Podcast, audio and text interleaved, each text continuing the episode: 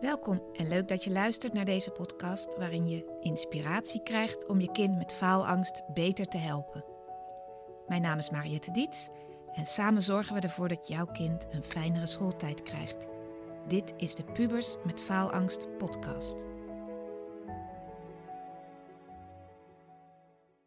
Hi, hier ben ik weer, Mariette, met een nieuwe aflevering.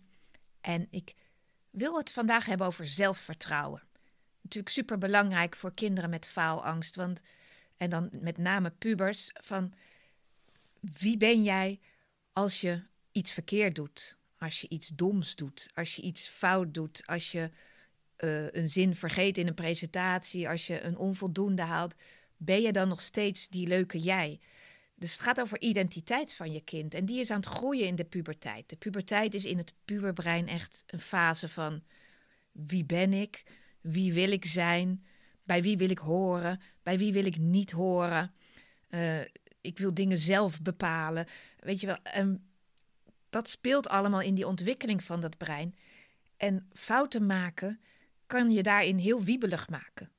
Dus ergens moet je als ouders in deze leeftijdsfase proberen om, die, om dat zelfvertrouwen, hè, in de coachwereld heet dat de ik-kracht, om die wat meer te versterken bij je kind dat het eigenlijk niet eens uitmaakt uh, wat je doet, hoe je eruit ziet, wie je bent, wat anderen van je vinden. Dat is natuurlijk een hele belangrijke. Als, al zijn er tien in je klas die jou stom vinden, wie vindt jou wel leuk en wat maakt dat jij zo leuk bent? En hè, dat die, dat zelfvertrouwen wat meer versterkt wordt. En uh, daarom vind ik het soms stoer of leuk om met kinderen te bespreken van die emo types op school. Hè, vroeger noemden we dat gothic. Dat die helemaal in het zwart zijn of met kettingen, uh, zwarte make-up, zwarte kleding.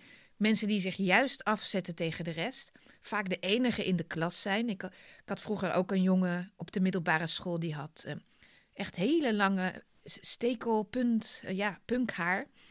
Dat is echt, ja, dat valt gewoon op. Die mensen maken een statement van ik ben ik. En dat is super stoer. Ze willen ook wel weer bij een bepaalde groep horen, maar vaak zitten die niet in dezelfde klas. Dus een beetje van dat fuck you gevoel zou ik al die kinderen gunnen die faalangst hebben. Van het maakt me allemaal niet uit wat mensen van me vinden. Als ik maar zelfvertrouwen heb, als ik maar uh, ja, oké met mezelf ben. Dus hoe kan jij je kind daarbij helpen? Daarvoor heb ik drie tips op een rij gezet. En de eerste gaat om hoe je in het gezin meer focus kan leggen op positiviteit. Dus dan gaat het erom hoe zelfverzekerd ben je zelf? Um, hoe praat jij over je werk, over je dag, over de politiek, over de wereld? Um, is dat erg negatief? Is dat erg bezorgd? Of kun je daar ook wel met enig optimisme naar kijken? Van nou, ik neem aan dat de volgende generatie wel een goede oplossing bedenkt. Hè? Het zijn best lastige thema's, maar als jij zelf daar heel erg mee zit, is het voor jouw kind ook heel moeilijk om het leven te pakken, zeg maar. Dus kijk goed naar wat je zelf uitstraalt. Ben je boos op de regering of op het beleid? Of kan je gewoon een beetje meegaan met de dingen van de dag, met de dingen die je baas zegt of wat dan ook? Dus positiviteit, dat, dat gaat ook over dankbaarheid of aandacht voor leuke dingen. Dus als je s'avonds aan tafel zit, praat eens over wat was er leuk vandaag. Noem eens een paar leuke dingen van vandaag. Wanneer heb je gelachen vandaag? Gewoon door aandacht daarop te vestigen. En het is, ik geef ook vaak aan pubers een opdracht mee om iets van een schriftje, een journal of hoe dat ook heet tegenwoordig, bij te houden waarin je gewoon elke dag drie leuke dingen van die dag opschrijft. Drie dingen die grappig waren, waar je hebt gelachen, waar je je fijn bij voelde, of gewoon iets algemeens waar je dankbaar voor bent. En dat klinkt een beetje zoet Amerikaans, ik ben dankbaar dat ik mijn ouders heb of zo. Maar het helpt om daar je aandacht aan te besteden. Want hoe meer je je aandacht aan fijne dingen geeft, hoe minder ruimte er in je brein is om naar die minder leuke dingen te gaan. Dus bespreek eens met je kind. Er zijn ook apps voor waarin ze zelf elke dag iets positiefs van die dag kunnen opschrijven. Misschien zelfs met foto's uploaden, iets wat bij deze tijd past.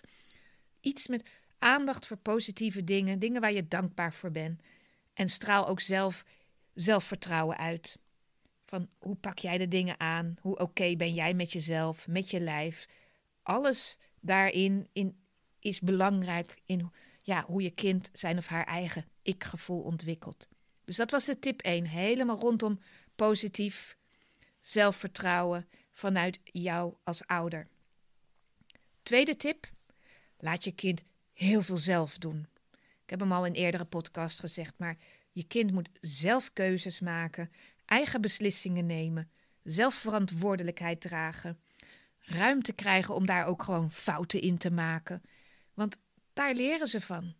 En hoe meer we uh, waarschuwen, uh, hobbels wegpoetsen, dingen uit handen nemen omdat we het zelf beter kunnen, sneller kunnen, handiger kunnen, ja, hoe minder je kind gaat vertrouwen op eigen keuzes. Dus laat je kind gewoon meedenken over dilemma's in huis. Laat je kind zelf oplossingen bedenken. En het blijft een lastig hoor. Als, als er bij ons iets omvalt, wil ik ook al rennen om een doekje te pakken. Maar hallo, die kinderen zijn 16 en 17. Dus ik heb ook al geleerd inmiddels, blijf zitten. Ze, ze lossen het zelf maar op. En uh, we hebben een keer, een paar jaar geleden gehad, dat mijn zoon echt vroeg, waar staat de bezem? Was die twaalf of zo, dacht ik, moet jij twaalf worden in dit huis om te ontdekken waar onze bezem staat? Toen er iets was omgevallen. Dus laat ze zelf dingen oplossen. En ja, soms hebben kinderen met faalangst ook wel ouders die iets met perfectionisme hebben. Dat iets goed moet gaan. Dus durf jij je kind ook gewoon af en toe op zijn of haar bek te laten gaan, zeg maar. Um, en dat, er zit natuurlijk een angst bij. Dat je bang bent dat je kind daardoor nog onzekerder wordt. Maar als jij er ook gewoon helemaal oké mee bent, dat er af en toe een onvoldoende valt, dat je kind daar weer van leert, dan wordt het voor je kind ook een stuk luchtiger. Als jij heel erg daarmee bezig bent met, oeh, magister, wat voor cijfer heb je? Dat is niet zo fijn, want dan maak jij het ook heel belangrijk voor je kind. En uiteindelijk komt het heus wel goed. Of er nou nog meer onvoldoendes komen, of je kind nou blijft zitten, of naar een ander schoolniveau moet. Het is allemaal prima. Ze komen linksom of rechtsom wel weer terecht. Dus zorg ervoor dat je je kind daar ook heel veel zelf in laat doen. Hoe doen ze hun huiswerk? Hoe plannen ze hun huiswerk? Uh, nou ja, al dat soort dingen. Derde tip. Geef je kind aandacht. Die is wel leuk, want mijn kind van 16 wil helemaal niet mijn aandacht. Maar toch is die belangrijk. Er zijn momenten, zelfs bij die van mij, dat ze wel mijn aandacht wil. Bij haar is dat bijvoorbeeld als ik naar haar muziek luister. Als ik haar kamer binnenkom eh, en ik ga op haar bed zitten en ik zeg: Wat vind je nou het mooiste nummer van die en die? Mag ik eens meeluisteren? Dan heb ik er. En ja, dat klinkt een beetje stom, maar je moet ergens de ingang naar je kind vinden. Bij mijn andere kind is het iets met sport. Dus sta open voor wat je kind vertelt. Er zijn altijd momenten dat je kind wel iets wil delen. Met onze oudste is dat om half twaalf s'avonds. Is niet zo handig. Maar dat is wel het moment dat hij aanstaat en open staat. En ja, luister gewoon. Ik hoor heel veel ouders in mijn praktijk um, erg tegen hun kind ingaan. Ja, maar dat moet je zo doen. Ja, maar dat had je niet zo met die vriendin moeten zeggen. Je kunt beter dat zeggen. Je moet meer dat doen. Je zou meer dat, je moet meer dat. We zijn, ja, in onze wil om het goed te doen, zijn we ons kind aan het overladen met allerlei adviezen, in plaats van dat we gewoon luisteren. Vanmorgen zei ook een moeder in mijn praktijk van, ja, mijn dochter had een probleem met dit of dat en ik ging het helemaal oplossen. En toen zei ze, mam, ik wou het alleen maar even vertellen. En dat was voor deze moeder een inzicht. En ik denk dat dat voor heel veel moeders en misschien ook vaders geldt. Soms willen ze gewoon vertellen. En laat ze gewoon uitpraten. En als ze uitgepraat zijn, stel dan gewoon vragen. Hoe was dit voor je? Of wat zou je volgende keer anders doen? Of wat wil je dat ik doe? Um, of gewoon wat rot voor je. Of wat vervelend. Kom eens even lekker bij me. Dus dat je niet meteen hun verhaal omdraait in jouw tips, maar gewoon eventjes daar bent en even lekker luistert. Nou, dat waren de drie tips voor vandaag. De eerste rondom positiviteit in het gezin, dankbaarheid, kijk naar wat er wel is, hou vertrouwen in jezelf, in de toekomst, in de wereld. Daar versterk je je kind heel erg mee. Tweede, laat je kind meer zelf doen. meer zelfverantwoordelijkheid dragen, meer zelf keuzes maken. En de derde, geef je kind aandacht. Luister echt naar je kind. Wat gaat er nou echt in je kind om? Dat was het voor vandaag. Heb je nog vragen? Stuur me dan gerust eens een berichtje, mailtje, appje, whatever. Prik een kennismakingsafspraak in. De agenda loopt al aardig vol, zag ik, maar dan kan je in ieder geval al iets plannen en dan uh, kunnen we erover praten of ik misschien iets voor jullie kind kan betekenen. Voor nu, dankjewel voor het luisteren. Tot de volgende keer. Bedankt weer voor het luisteren naar de Pubers met Faalangst podcast. Wil je met mij sparren over jullie situatie? Kun je altijd een gratis kennismakingsgesprek inplannen via www.dietscoaching.nl. Vind je deze podcast interessant? Abonneer je dan en geef hem een goede review. Dat helpt mij enorm om nog meer ouders te bereiken.